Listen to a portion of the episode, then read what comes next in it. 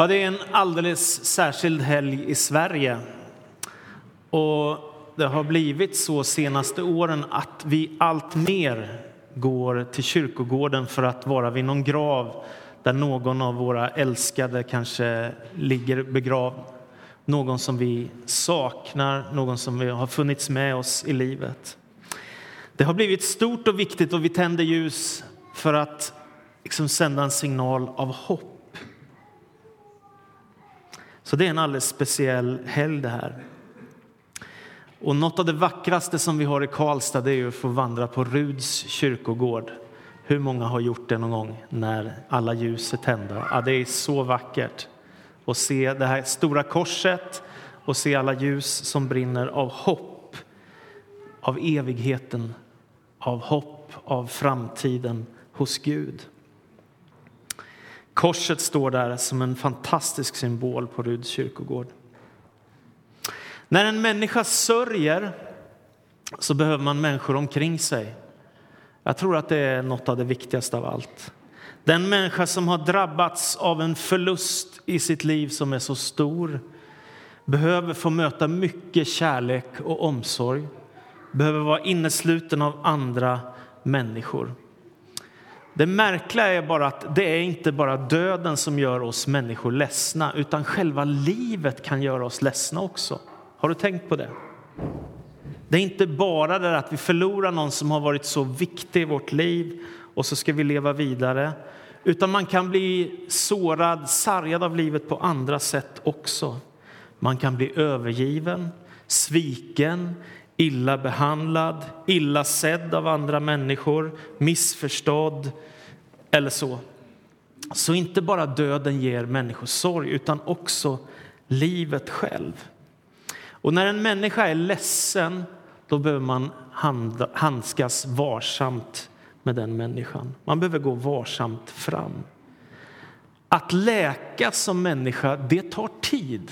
Ibland kan man vara med om händelser som gör att det går snabbare. Ibland är det långa processer som vi måste ta oss igenom där man undrar hur det ska gå från ena dagen till den andra. Och jag har blivit allt mer övertygad efter att ha varit pastor i drygt 20 år nu att, att när människor är ledsna då är det naturligt och viktigt att få gråta, att få sörja, att få berätta precis som det är och att klaga. Det är inget konstigt. Och jag har tänkt senaste åren också att jag tror att den största trösten det är inte våra kloka ord, vi som möter en människa i sorg, utan det är bara att finnas där. Så tänker jag. Du behöver inte ha svar på alla frågor, du behöver inte veta allt. För ord räcker ändå inte till när en människa har förlorat en livskamrat. Vad ska man säga? Vad hjälper i en sån stund? Kanske bär du på sorg i ditt liv. Du kanske saknar en vän. Du kanske saknar någon som du har delat en lång tid av livet med. Du kanske ännu värre saknar en livskamrat som du har levt många år tillsammans med. Du kanske känner dig ensam eller du kämpar med att bli hel igen efter ett svårt slag mot ditt liv när livet har gjort dig illa. Det kan ju också vara så att du har siktat mot ett mål i livet, att du har velat någonting så mycket och så har det inte riktigt blivit så som du hade tänkt. Och förhoppningsvis så inser man ju då att man behöver Gud i sitt liv. Att det inte bara räcker med jag, mig och mitt, utan jag behöver Gud och jag behöver vänner. Så är det. Ingen av oss orkar bära alla livets prövningar själva. Ska man förbli hyggligt frisk som människa genom livet då behöver man Gud och man behöver andra människor som bryr sig när man går igenom prövningar. När Jesus möter Maria så ställer han en fråga. Och Jesus ställer många frågor. Om man går in och klickar på, man kan gå, nu för tiden kan man gå in på bibeln.se och så kan man skriva varför i Nya testamentet. Jesus ställer hur många varför-frågor som helst. Det är ganska fascinerande. När Jesus har dött och Maria kommer till graven och sörjer så fruktansvärt djupt sin mästare så står han där, Jesus, igen vid graven. Och så säger han de här orden till Maria. Varför gråter du? Varför gråter du? Jag tycker att det är en rätt bra fråga. För det är väl så för oss alla att vi gråter ibland. Jag tror att alla friska människor de, de gråter ibland och är sorgsna över, över livet. Varför gråter du egentligen? När livet gör ont, varför kommer tårarna? Varför kan du inte stå emot? Vad är den djupaste anledningen till dina tårar? För Maria är det en dubbel sorg. Dels har hon sett Jesus bli korsfäst. Det måste varit en fruktansvärd, obehaglig upplevelse att stå i närheten av korset och se vad som händer Jesus från Nasaret. Inte nog med det, när hon kommer till graven så är hans kropp borta. Hon tänker någon har rövat bort Jesus. Nu vet jag inte ens var hans kropp är någonstans. Och det är då som Jesus står där och säger Maria, varför gråter du? Först fattar hon inte vem det är. Hon tänker trädgårdsmästaren är här. Men när Jesus säger Maria så vänder hon sig om och inser att det är han som är uppstånden ifrån de döda. Och så tänker jag att det är just här evangeliet är så starkt. Inte nog med att Jesus lider och dör för vår skull utan när vi står där med våra tårar i vårt livs elände som vi hamnar i ibland då är Jesus där och säger varför gråter du? Han finns vid din sida. Han lämnar dig inte ensam. Och sen så när Maria inser att Jesus är uppstånden ifrån de döda så skickar han iväg henne som det första av alla vittnen någonsin i världshistorien att Jesus är uppstånden ifrån de döda och en kvinna får bli det första vittnet av alla som berättar om vad som har hänt med Jesus från Nasaret. En av dem som följde i Marias fotspår heter Paulus, aposteln Paulus. Han blev urkyrkan, urkristenhetens allra viktigaste missionär. För han hade gjort ett så starkt möte med Jesus själv på vägen till Damaskus en gång. Och därför så börjar han predika om Jesus som Guds son i synagogor, i tempel, överallt där han kommer till avgudadyrkare predikar han om Jesus som vägen till Gud. Och människor överallt finner en tröst i evangeliet om Jesus som man inte har hittat någon annanstans. Inte bland avgudarna, inte bland filosoferna. Ingenstans finns det något som är i närheten av Jesus. Och när Paulus skriver det andra brevet till Korint så handlar det om Jesus och lidandet och trösten. Och jag tar er med till andra Korinthierbrevet kapitel 2 och vers 1. En text om lidande om tröst i Jesus Kristus. Från Paulus, genom Guds vilja, Kristi Jesu apostel och från vår broder Timoteus till Guds församling i Korint och till alla heliga runt om i Akaja. Nåd och frid från Gud, vår Fader och Herren Jesus Kristus. Välsignad är vår Herre Jesu Kristi Gud och Fader, barmhärtighetens Fader och all tröst Gud han tröstar oss i alla våra svårigheter så att vi med den tröst vi själva får av Gud kan trösta var och en som har det svårt. Ty liksom vi har fått en riklig del av Kristi lidanden får vi också riklig tröst genom Kristus. Har vi det svårt är det för er tröst och frälsning. Blir vi tröstade är det för att ni ska få den tröst som hjälper er att bära samma lidande som vi. Vi har ett fast hopp när det gäller er. Vi vet att liksom ni delar lidandena med oss delar ni också trösten. Jag vill att ni ska ha klart för er bröder hur svårt vi hade det i Asien. Vi pressades så långt över vår förmåga att vi rent av misströstade om livet. Men en dödsdom har vi alltid haft inom oss för att vi inte skulle förlita oss på oss själva utan på den Gud som uppväcker döda. Och han räddade oss från dessa dödens angrepp och kommer att rädda oss igen. Till honom står vårt hopp. Han ska rädda oss och ni ska hjälpa till med er bön för oss så att det blir många som tackar Gud för den nåd vi får genom mångas medverkan. Det här är en fantastisk bibeltext och andra Korinthierbrevet är en helt underbar läsning om man vill se en ledare och apostel som brottas med livet och försöka forma en församling så är det den häftigaste texten som finns. Läs det, ett hett tips.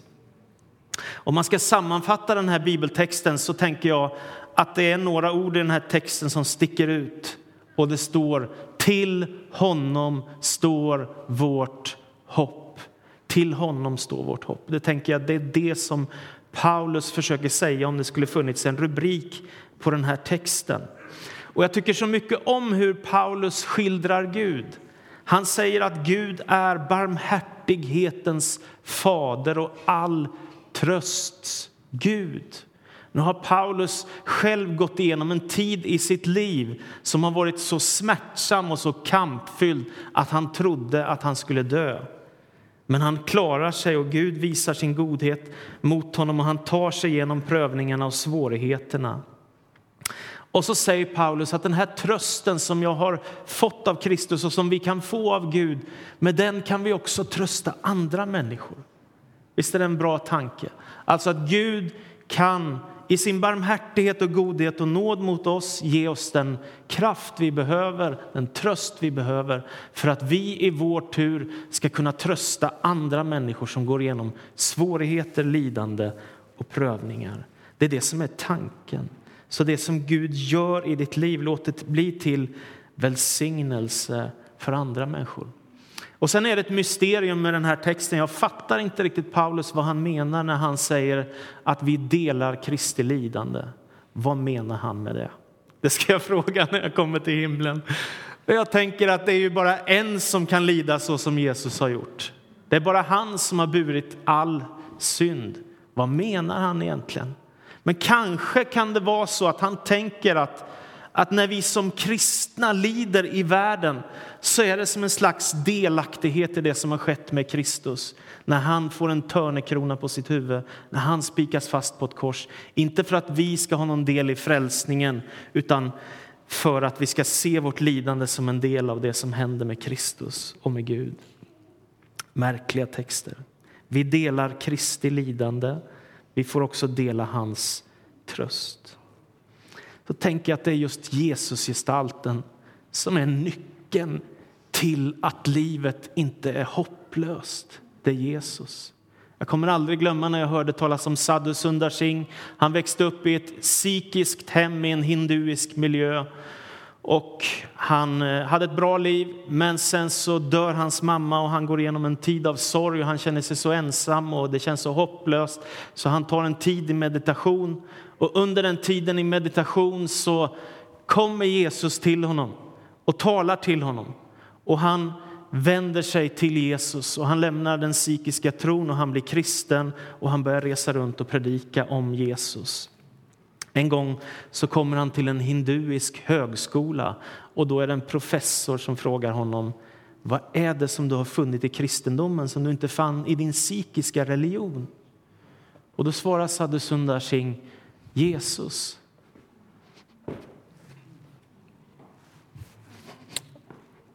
Ja, det är där som allt står och faller. Och då frågar den här professorn en gång till. Ja, men vad är det för princip eller lära eller för etik eller vad är det för vägledning som du inte har hittat i din psykiska religion? Det är Jesus som är skillnaden. Tröst i Jesus, kraft från Jesus, hopp från honom. Tänker det finns ingen som honom. Och så är jag så tacksam för att lidande är inte främmande för Jesus utan han kallas i Nya testamentet för smärtornas man, väl förtrogen med sjukdom som profeten Jesaja säger. Så Jesus tar emot en törnekrona av vassa, vassa piggar som sticker in i hans huvud. Han spikas på ett kors. Blodet rinner ner för hans kinder, för hans händer, från hans fötter. Hans sida sticks upp. Ja, han gjorde vår smärta till sig. Och jag tänker att i korset så stiger Jesus ner i det mörkaste helvetiska djup man kan tänka sig för vår skull, för att försona oss med Gud och rädda oss ifrån döden. Jag vet inte om du har den där bilden, har du den eller inte? Nej, den kanske inte är igång. Eh, men i alla fall så står det, Hans Johansson har skrivit, den odödlige har i Jesus blivit en dödlig för att göra det dödliga odödligt. Det var svårt. Jag tar det en gång till. Den odödlige har i Jesus blivit en dödlig för att göra det dödliga odödligt. Det vill säga, Jesus segrar. Lidandet är inte allt. Utan precis som Maria möter Jesus vid graven så tänker jag att vi som plågas eller lider eller kämpar med livet eller sörjer en nära livskamrat eller vän Jesus möter oss också här och nu. Den uppståndne lever. Därför så får inte döden och ondskan det sista ordet i vårt liv och i vår tillvaro. Utan det är Jesus, det är Gud själv som har sista ordet. Han har förberett en himmel, han har förberett ett paradis. Gud kommer en dag att segra. Så hur ska man då få tag på den här trösten? Hur gör man då? Det funderar jag på ibland. Hur får man tag på den här trösten ifrån Gud? Låt mig ge dig tre goda råd. För det första, stillhet och vila. När livets omständigheter är överväldigande och man känner att det är bara too much just nu, då behöver man stilla ner sig och man behöver få vila. När livet har gjort dig illa, så rusa inte bara på och fly inte från verkligheten utan våga stilla ner dig, våga stanna upp lite grann. Ska man få uppleva helande och läkedom för sin själ så tänker jag att man behöver söka sig nära Gud i stillhet, i tystnad, att få vara ensam med Gud. Och det står i Saltaren 46 och 11. Bli stilla och besinna att Herren är Gud. Bli stilla och besinna att Herren är Gud. Om du har såna platser i ditt liv så tänker jag att du kommer kunna få uppleva Guds läkedom i ditt liv. Att du får stilla ner dig, att du får vila upp, att du får stanna lite på vägen som vi så har så bråttom i västvärlden, i Sverige. Vi har så bråttom. Men ska du få uppleva själens helande i ditt liv, då behöver du Guds närvaro. Och det är fantastiskt att få dras in i det här oändliga som det är att veta att det finns någon i min närhet som är större än mig. Det finns en Gud som vill mitt bästa, som älskar och som har omsorg, som bryr sig om min tillvaro. Han är vårt ursprung, han är vårt mål, han är vår glädje och lycka. Det finns någon som är större. Och om du är nedkörd i botten, som man kan vara ibland, så står det han låter mig vila på gröna ängar, han för mig till vatten där jag finner ro. Visst är det fantastiskt? Gud har inte bara uppdrag och utmaningar, utan han kan också ge kraft. Han kan också ge tröst. Han kan också ge stillhet för vår själ så att vi orkar en sträcka till på livets väg.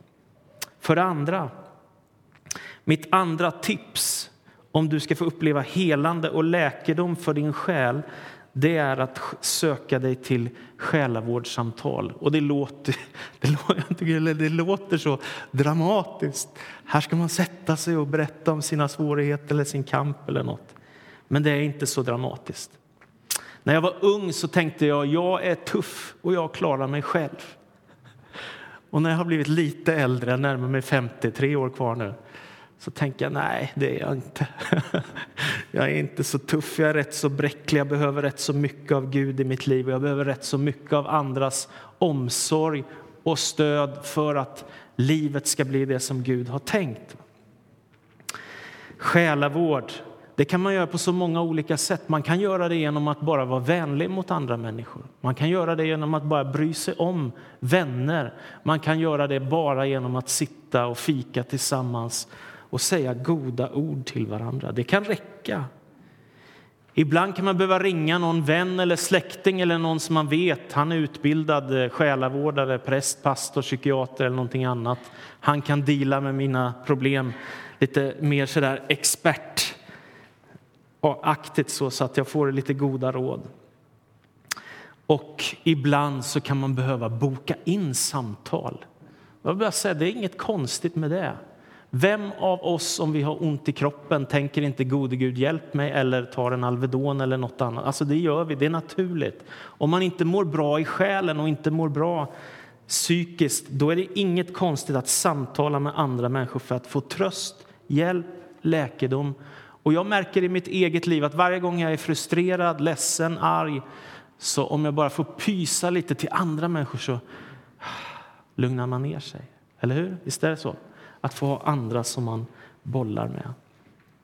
I vår församling har vi något som heter det goda samtalet. Vi har ett antal människor som på ett eller annat sätt har utbildat sig för att jobba med såna här frågor. Och behöver du ett sånt samtal, så se till att boka in det. Du kan ta kontakt med oss så ska vi ordna det, jag lovar. Ordet själavård det kommer också från Nya testamentet. Det är en sammanställning av orden om Jesus. Petrus skriver i första Petrus brev, ni, ni som var vilsnegångna får, men nu har vänt tillbaka till era själars vårdare och herde, Jesus.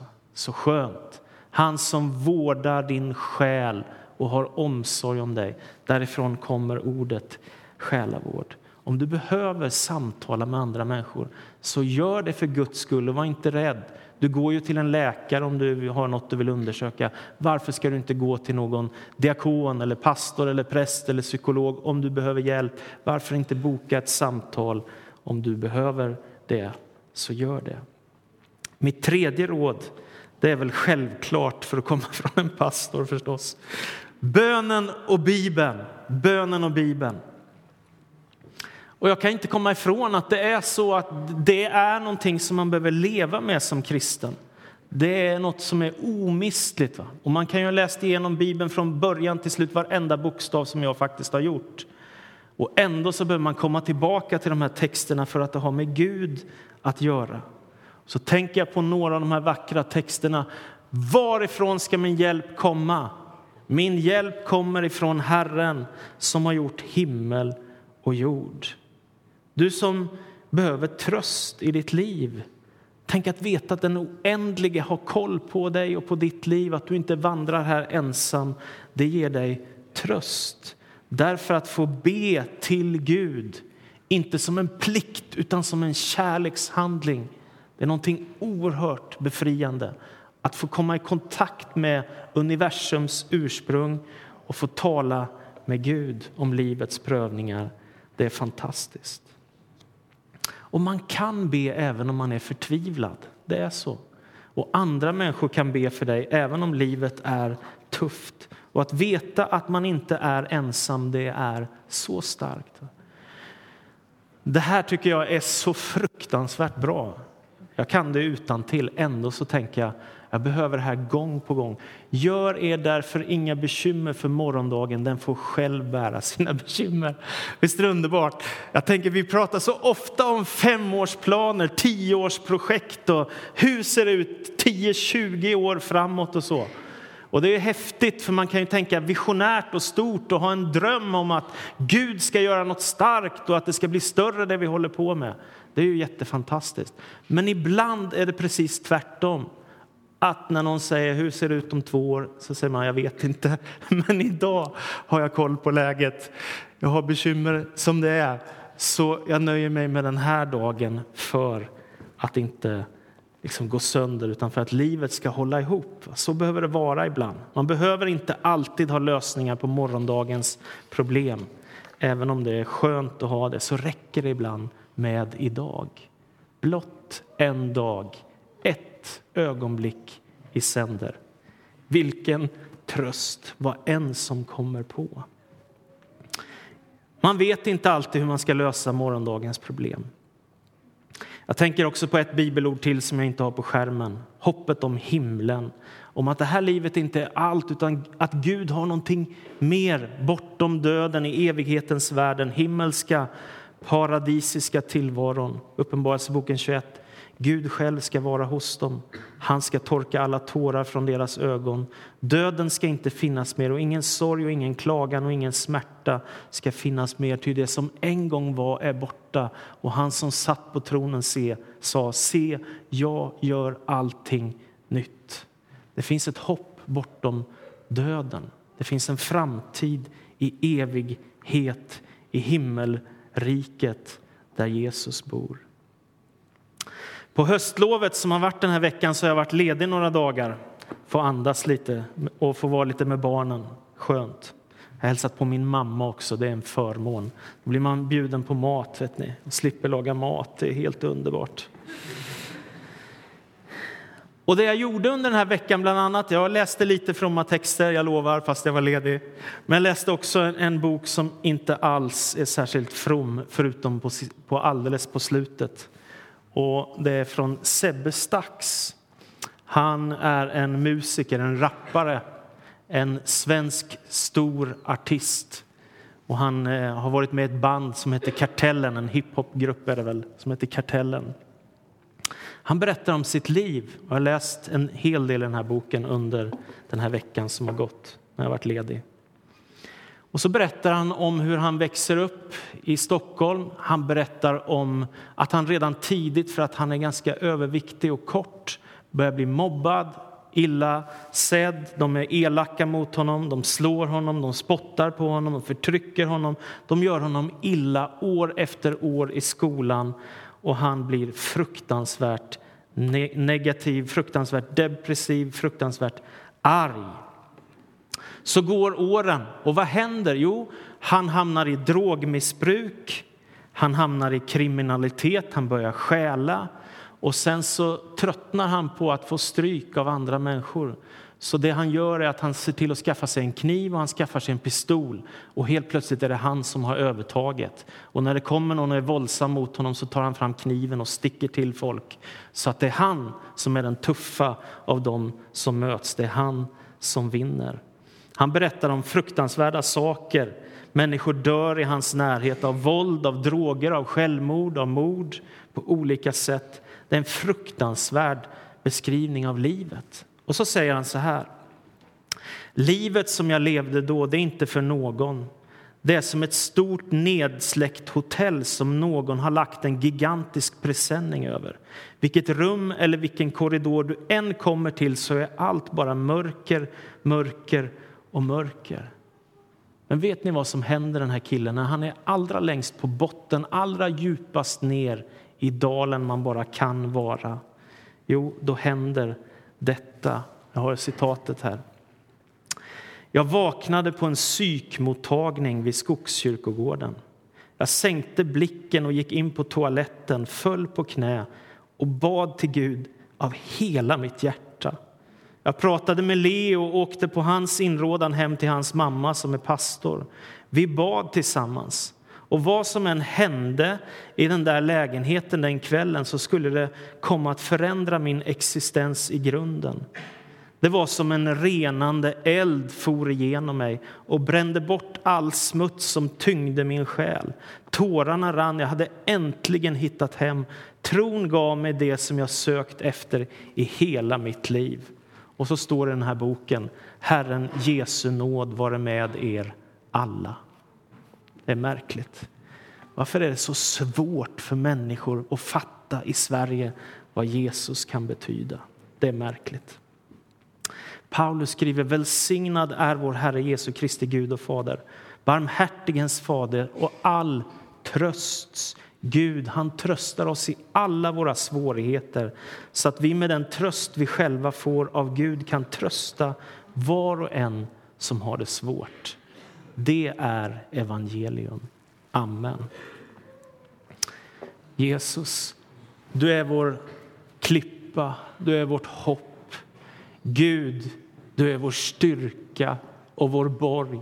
Du är vår frälsning, vårt liv, vårt allt, Herre. Utan dig så är vårt liv ingenting. Herre. Utan dig så är livet tomhet och idel tomhet, Herre. Men med dig så laddas vårt liv med den himmelska dimensionen, med det eviga riket, med den gudomliga härligheten, med hoppet om himlen, med hoppet om evigheten. Och tack Gud för att du har lovat att bära oss igenom allt, Herre. Och jag ber särskilt idag för den som sörjer.